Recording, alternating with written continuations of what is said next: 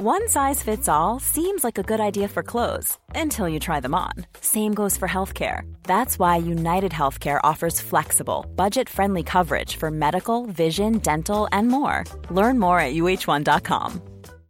Hi, I'm Daniel, founder of Pretty Litter. Cats and cat owners deserve better than any old fashioned litter. That's why I teamed up with scientists and veterinarians to create Pretty Litter. Its innovative crystal formula has superior odor control and weighs up to 80% less than clay litter.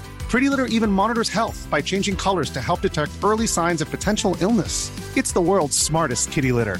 Go to prettylitter.com and use code ACAST for 20% off your first order and a free cat toy. Terms and conditions apply. See site for details.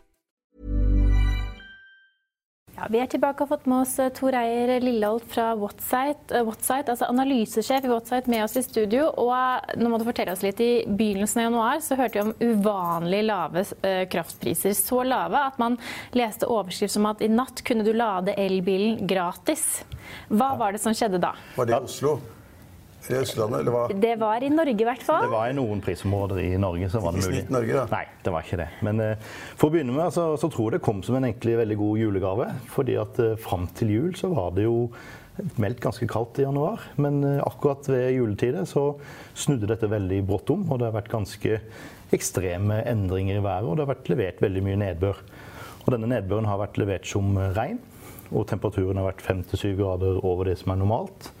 Og Det senker forbruket, og det gjør jo at de som da har planlagt å produsere veldig mye vann når det er eh, kaldt, fordi at månedene i januar og februar er gjerne de høyeste månedene på pris, de vil jo da gjerne forsøke å produsere mye. Eh, Det får de ikke til fordi at de har så lavt forbruk, og, og da blir det også skrudd ned prisene. Og når man da i tillegg eh, får prisene så lave at man kan få de mye eksport mot utlandet, så er jo det en fordel for de produsentene som ønsker å produsere. Men til slutt så har man fylt opp kablene, og da begynner man å konkurrere med hverandre om å få den, det volumet som trengs. Og da, Det, det, er, det er sommer i Oslo nå, Ja. på Østlandet. Så hva, hva, er, hva er prisen på en kilowattime nå? nå er det rett rundt 22 øre dagens øre, pris. Pluss linjeleien på Ja, du må nesten Linjeleien er jo egentlig mer nå, så du, du ender opp på ca. en krone når du To- summerer fremdeles alt er det sammen. en krone? Ja, den er opp mot det. Men for å sammenligne litt, da, så hadde vi i fjor, i Q1, altså første kvartal, så hadde vi altså en pris på 47. Nå har vi 23-24, så det er halvert Det er halv- halvert prisen, på kraftprisen. ja. Men hvor kom da det altså, ok, den, det er Nullprisen det kom av eksport? Det kommer av eh, eh, det at vi har fått vesentlig mer vind inn i systemet vårt nå. Vi har investert nesten 4000 megawatt vind i Norden hvert år, både i fjor og i år. Eller skal gjøre i år. Så det gjør at man får en høyere produksjon når det er mye vind. Og akkurat det slår ut for noen prisområder, de som da har minst regulert vannkraft å, å dempe dette ut med. Sånn som noen områder i Ja, for Trygve eh, vil jo gjerne vite hvor det var nullpris. Og jeg Trygve, kan fortelle at man betalte én øre per kilowattime i land som f.eks. Sverige, Danmark og Finland. Men i Norge så var det i Oslo 22 øre per Ja. kilowattime, mens det i nord f.eks. var 18 øre per kilowattime. Så, så, så vi var ikke nede på én øre i, i Norge. Men hvor- hva kommer det av at Finland, Sverige og Danmark hadde så mye lavere priser enn oss? Fordi at de har et forbruk som da blir mer dekt opp av denne ukontrollerbare vindproduksjonen. I Norge har vi mer kapasitet i det som heter regulerte vannkraftsystemer. Og det gjør at de kan stoppe vannet sitt når det blåser veldig mye. Så de jevner ut prisen. Og det samme er jo motsatt når det blir veldig høy pris, veldig lav vind. For du kan jo, når det er veldig kaldt, så får du ikke produsert mer enn 10% av denne vinden som er installert. Og da har du problemer med å få nok. Og da kan også vann hjelpe til å jevne ut prisene men, på men, oppsiden.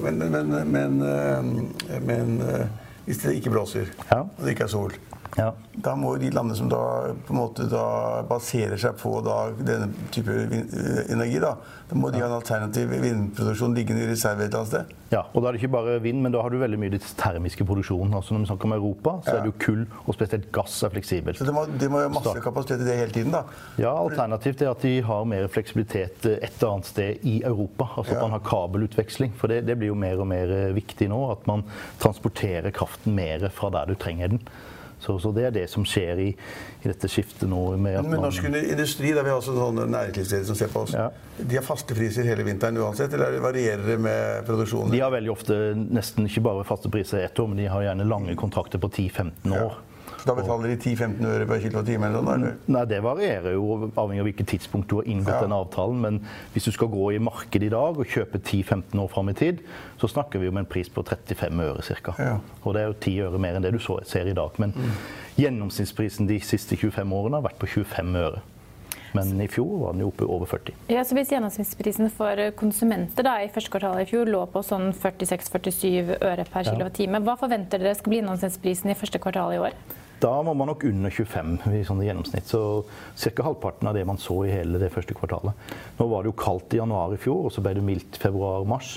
I år har det jo vært eh, gjennomgående mildt hele tiden. Men med, med, med, med nettleien av moms og sånn, så er det en Så krone. da nærmer vi oss en krone, ja. Og det er jo litt avhengig av hvilken leverandør man har. Men hva og betyr, det for strøm, hva betyr det for de strømregningene man får i posten? Det betyr at vi kan se et avslag på 20-30 eh, sammenlignet med samme er periode i litt, eh, fjor? da må man tenke som at eh, det er bare kraftprisen som er fleksibel, pluss momsen, som da er avhengig av denne kraftprisen. Resten er låst. Og da er det jo en liten del av regningen. Men jeg kan ta et regneeksempel. At, eh, si at en gjennomsnittshusstand som har 20 000 kWt forbruk, de vil nok bruke ca. 30% av dette gjennom første kvartal. Og Det betyr at de kan kanskje ha en reduksjon på forbruket sitt på en 10-15% Men da får du jo hver eneste, altså hele krona i rabatt fordi at du har redusert forbruket ditt. Så da har du kanskje spart 1000 kroner. Og så har du da en prisrabatt fra disse eh, 47 ned til 25 pluss moms, så har du iallfall 30 øre rabatt på resterende forbruk, og da snakker vi nesten 2000 kroner. Så bare første kvartal er ca. 1000 kroner hver måned for en gjennomsnittsforbruker. Ja, så 3000 kroner på tre måneders tid. Yes. Ja. Det er jo penger, det òg, men Trygve snakker om sommertemperaturer i januar. Det er ikke hver januar vi har så varme temperaturer. Men, men så ser man også at lenger ned i Europa så har de hatt vesentlig kaldere temperaturer. Er det, hvordan er trendene for Europa generelt? Vi importerer jo mye fra Tyskland. Hva kan man si om prisbildet eh, for øvrig? Eh, For først litt om været. da. Altså, ofte så har du jo litt sånn motsatt værregime. Azorene og Norge er ofte sånn motsatt eh, korrelert. Så at du kan gjerne få litt varmt temperatur i, eh, nedover og, og kaldt når vi har det varmt, og motsatt. Men generelt så vil jo gjerne hele Europa henge godt sammen. Det vi ser av priser nå, er jo at områdene i Europa er fortsatt veldig avhengig av termisk produksjon. Altså kullkraft og gasskraft. Europa flommer over gass nå. så akkurat disse fjoråret i år så er det gassprisene som er de veldig viktige for prisene der. og Da snakker vi om ca. 40 øre. Så de ligger på et høyere prisnivå enn det vi gjør sånn generelt. Og så har vi vår hydrologi, som er veldig følsom for når vi får mye energi og lite energi fra, fra regn. Og nå har vi altså den siste måneden fått ekstremt mye nedbør i eh, form av regn. Og det gjør at man da har en lavere pris i Norden. Så nå er det veldig stor forskjell mellom Norden Ta, og ta, ta, Europa. ta ta, spørsmål. Ja. Du snakker om eh, Norge kontra Europa osv. Men altså, Norge er jo veldig lang. Ja. Nå er det da meldinger hver dag om at eh, det er storm og greier, og alle Absolutt. er stengt og greier. Og noen steder har det vært, eh, har det vært temperaturer på minus 30 grader eller noe sånt. Ja, I Finnmark nå, ja. Ja, betaler, men betaler da de mer enn Line i Oslo? Betaler, er det samme prisen? I Norge så er det veldig likt. Det er ganske lik pris eh, generelt. Ja. Altså, og når du snakker om temperaturer, så, så det som skjer nå, da, er jo at fortsatt har vi veldig mye mer snø enn det som er normalt i år. Men snøgrensa krabber oppover. altså Du får mye større områder som ikke får snølegging. Hele Vestlandet, deler av Sør- og Østlandet har jo ikke snø. Men De som da bor oppi der det minus 30 grader, de betaler den samme kilowatt-timeprisen som Ja, det er lite unntak for nord, eh, helt nord i eh, Finnmark hvor de har fritak for elavgift. Det er det eneste som jeg vet forskjell. Og så er det jo forskjellig nettleie, selvfølgelig, fordi det er forskjellige selskaper som har eh, forskjellige kostnader. Men hvis man, hvis man sammenligner da med de som da fyrer med en form for dieselolje eller noe annet. Varmer opp huset med olje, Ja. hva betaler de i dag i- per kilowattime? De betaler, Nå kjenner jeg ikke akkurat prisen på den eh, inni eh, for husholdninger, men jeg vil tippe de ligger på rundt en 50 øre. 50 øre. Og oppover. Ja. Ja, altså halv pris av da strømprisen, da. Det er dobbelt så mye. altså Du betaler dobbelt så mye for den uh, oljefyringa. Dobbelt så mye for oljefyring? Ja, Ja, som du ok, gjør for elektrisitet. Ja. Og ved også vil være relativt eh, kostbart nå, Ja. Uh, sammenlignet med strøm, hvis ikke du har en lett tilgang til veden med en rimelig tilgang. Det er ikke ved livsfarlig? Ja. Det, det er jo ved farlig. og Du, har iallfall uh, muligheter til å eh, ha det som et alternativ. Ja. eh, til, eh, så det er jo veldig vanlig i norske hjem at du har en, en fyring til, i tillegg til Ja. elektrisitet. Og det, og det reduserer jo hele den krona som vi snakka om i stad her, at du reduserer forbruket. Så jeg, ikke bare jeg, jeg som da fyrer med sånn olje og litt sånn diesel til, eh, tilskudd for å få det da eh, miljøvennlig og Ja. bra, Jeg betaler det dobbelte av de som har strøm. og så Ja. og da heter det, når jeg installerte anlegget mitt, så så du automatisk trykk på en knapp eller vri på en bryter, og så vil det automatisk gå på strøm. Oppstrøm, ja. Det funker jo ikke i det hele tatt. Nei. Nei, jeg kjenner ikke detaljene hva du har kjøpt inn dine råvarer for og sånne ting, men eh, vi tippet at det er relativt mye dyrere akkurat nå, ja. Ja. Men det er jo, som du var inne på, det er, vi har mye vindkraft, men det er også mye ny vindproduksjon på vei inn i Norge. Hva vil Ja. det bety for kraftprisene i årene fremover? Eh, Da må man se på hele systemet i en, eh, en helhet. For vi har også noe som eh, har, heter det med, med CO2-avgift. Så vi i Norge har forplikta oss til disse klimaforholdene som er i hele Europa. Og det er en del klimamål der. Og da har vi en CO2-marked som skal skape et uh, marked for dette. At du skal legge ned den skitne kullkraften. Og du skal bygge den fornybare, uh, og det skal være lønnsomt. Og der er vi nå uh, at vi bygger altså vindkraft uten subsidier. Det betyr at da kan man, iallfall all finansiell teori, betyr at vi får en økning i investeringen i vind. Men pga. miljømessige hensyn og eh, netthensyn, som at man må bygge mer nett og sånne ting, så vil det nok etter 2022, tror jeg det vil bli en stagnering i investering i vind. Men snakker Fordi vi at vind på land, eller? Nå snakker vi vind på, det er på land. Ja, ja. Så, så jeg ser jo fram til at eh, ja, som, som først som ingeniørhatten min, så ser jeg jo at Norge har kjempeforutsetninger for å bygge vind. For da har man jo eh, kombinasjonen med vann og vind, som er veldig gunstig i Norge. Vi har mye vindressurser. Men så har jo da som en friluftsmann og, og jeger Så ser det jo ikke ut. Nei, så ser du det at det er Høy, vanskelig. sånn der greie oppi der, og masse sånne tilbringerveier og Så det er liksom litt av baksiden av medaljen. Men, så derfor så ser jeg for meg at eh, vi vil få et større boost igjen. Når man kanskje kommer 2025-2026, hvor det er lønnsomt å bygge offshore. Da vil jo ingeniørkompetansen i AS Norge offshore bli veldig viktig. Ja. Og vi får flytta disse ut på offshore, hvor de iallfall ikke blir så berørt. for Jeg så en eh, nyhetsmelding i dag, eller var det i går, jeg er ikke sikker på, Mm. hvor det var et eller annet sånn offshore havanlegg som skulle åpnes.